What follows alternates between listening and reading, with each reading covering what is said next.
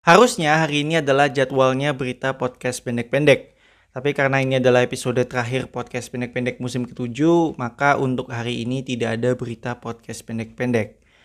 Walaupun sempat ada kendala yang membuat proses pengerjaan podcast pendek-pendek sempat terbengkalai ya, yaitu ketika saya sakit selama beberapa hari, tapi pada akhirnya saya bisa menyelesaikan podcast pendek-pendek musim ketujuh.